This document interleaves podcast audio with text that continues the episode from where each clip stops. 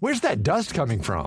Still finding debris after vacuuming? Eufy X10 Pro Omni Robot Vacuum has 8,000 PA of powerful suction to remove debris deep in carpets. And it's totally hands free. Want to know more? Go to eufy.com.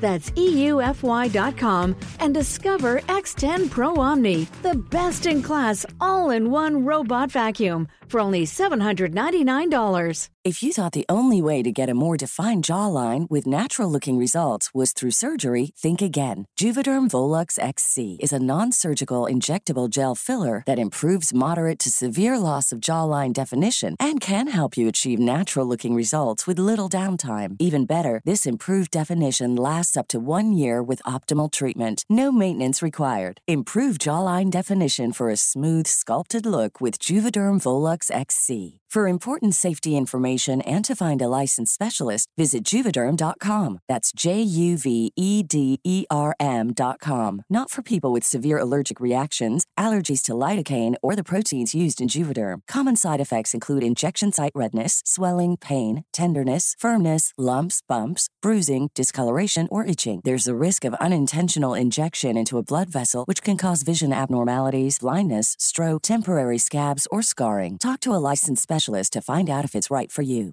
Hey, I'm Ryan Reynolds. At Mint Mobile, we like to do the opposite of what Big Wireless does. They charge you a lot, we charge you a little. So naturally, when they announced they'd be raising their prices due to inflation, we decided to deflate our prices due to not hating you.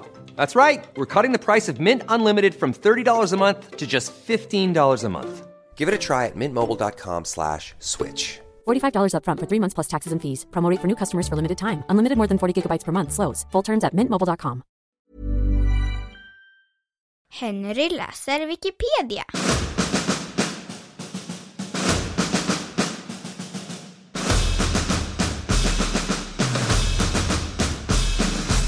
Juliane Kupke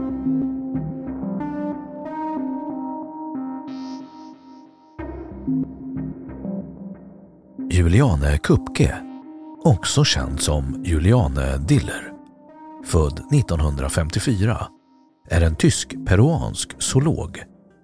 Som tonåring blev hon 1971 känd som enda överlevande efter en flygkrasch, Lanza flight 508, efter att ensam ha tillbringat 11 dagar i Amazonas regnskog.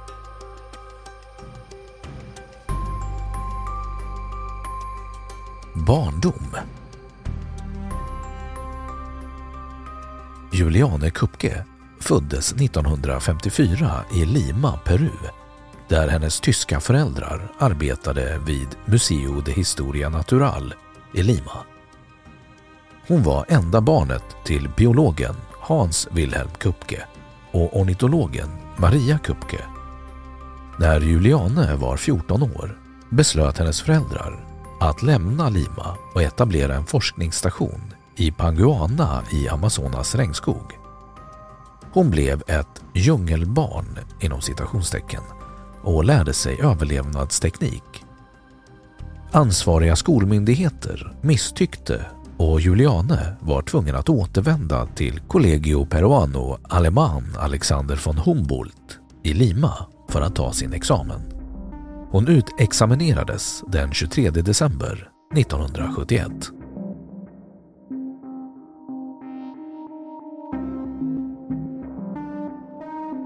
Flygkraschen Julianes mamma Maria arbetade i Lima när Juliane gick ut skolan. Maria ville återvända till Panguana den 19 eller 20 december men Juliane ville närvara vid examensceremonin den 22 december. Maria samtyckte och de bestämde istället för att åka med ett flyg på julafton. Alla flyg var fullbokade förutom ett med Linjas Aéreas Nacionales SA, Lanza.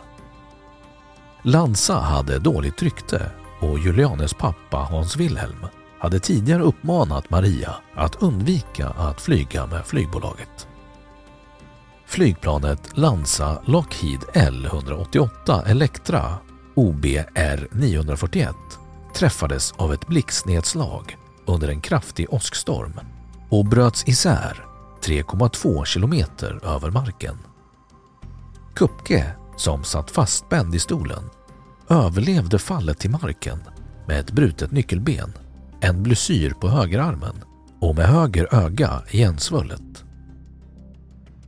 Jag satt absolut fastspänd i flygplansstolen när jag föll, sa hon senare. Den måste ha vänt sig och skyddat mig vid nedslaget. Annars hade jag inte överlevt. Det första som Kupke gjorde var att leta efter sin mamma som hade suttit bredvid henne. Men hennes letande var förgäves. Hon fick senare veta att hennes mamma till en början hade överlevt kraschen men hade dött av sina skador flera dagar senare. Kupke hittade några sötsaker som blev hennes enda föda. Efter att ha letat efter sin mamma och andra passagerare hittade hon en liten bäck. Hon vadade fram i knähögt vatten nedför strömmen från där hon landat, förlitade sig på den överlevnadsregel som hennes pappa hade lärt henne, att ta sig nedströms. Det leder till slut till civilisationen. Efter tio dagar hittade hon en båt som låg förtöjd nära ett vindskydd och upptäckte att båtens bensintank var delvis fylld. Kupke hällde bensinen över sina sår och lyckades få bort fluglarverna från sin arm. Hon berättade senare om sina nödvändiga åtgärder den dagen. Jag kommer ihåg att jag hade sett min pappa när han kurerade en hund från mask i djungeln med hjälp av bensin. Jag hade lite bensin och hällde det på mig själv. Jag räknade maskarna när de började krypa ut. Det var 35 stycken på min arm. Jag stannade kvar där, men jag ville ge mig av. Jag ville inte ta båten, för jag ville inte stjäla den.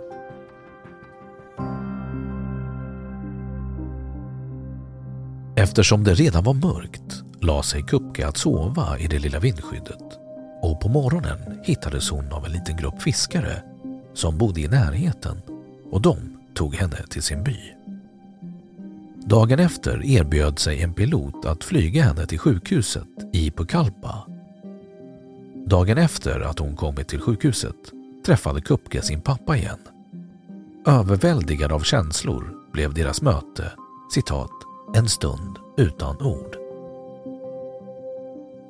När hon hade återhämtat sig från sina skador bistod Kupke med att hitta nedslagsplatsen och de omkomnas kroppar.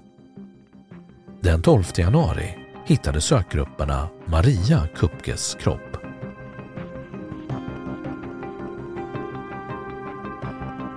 Följder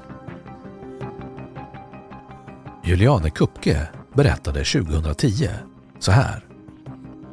Jag hade mardrömmar under lång tid, i flera år.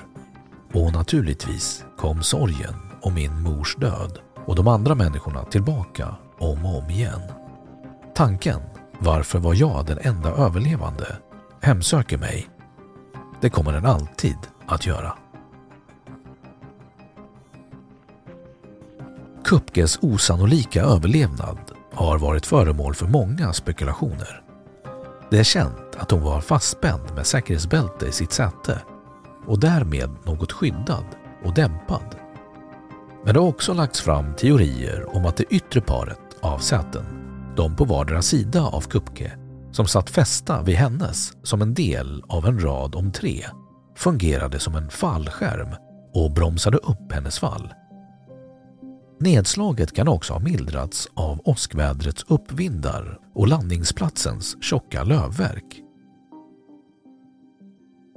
Juliane Kupke flyttade senare till Tyskland där hon återhämtade sig efter sina skador. Precis som sina föräldrar studerade hon biologi vid Kiels universitet och tog examen 1980. Hon doktorerade vid Münchens universitet och återvände till Peru för att forska inom däggdjur med inriktning på fladdermöss. Kupke gav 1987 ut sin doktorsavhandling Ecological Study of a Bat Colony in the Tropical Rainforest of Peru. Nu, känd som Juliane Diller, arbetar hon som bibliotekarie på Bavarian State Zoological Collection i München.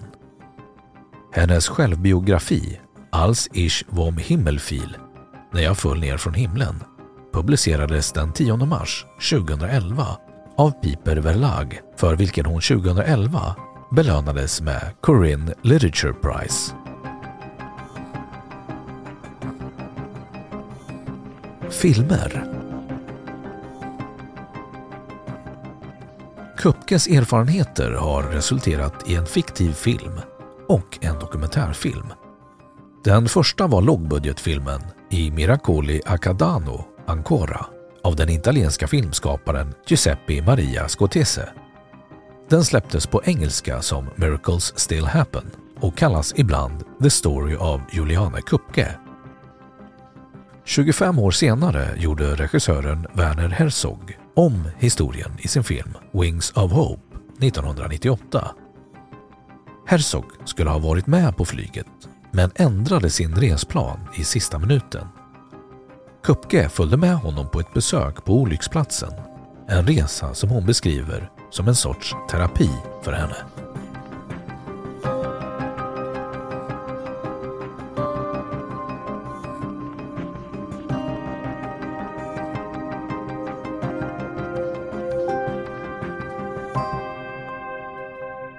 Då har Wikipedia sagt sitt om Juliane Kupke.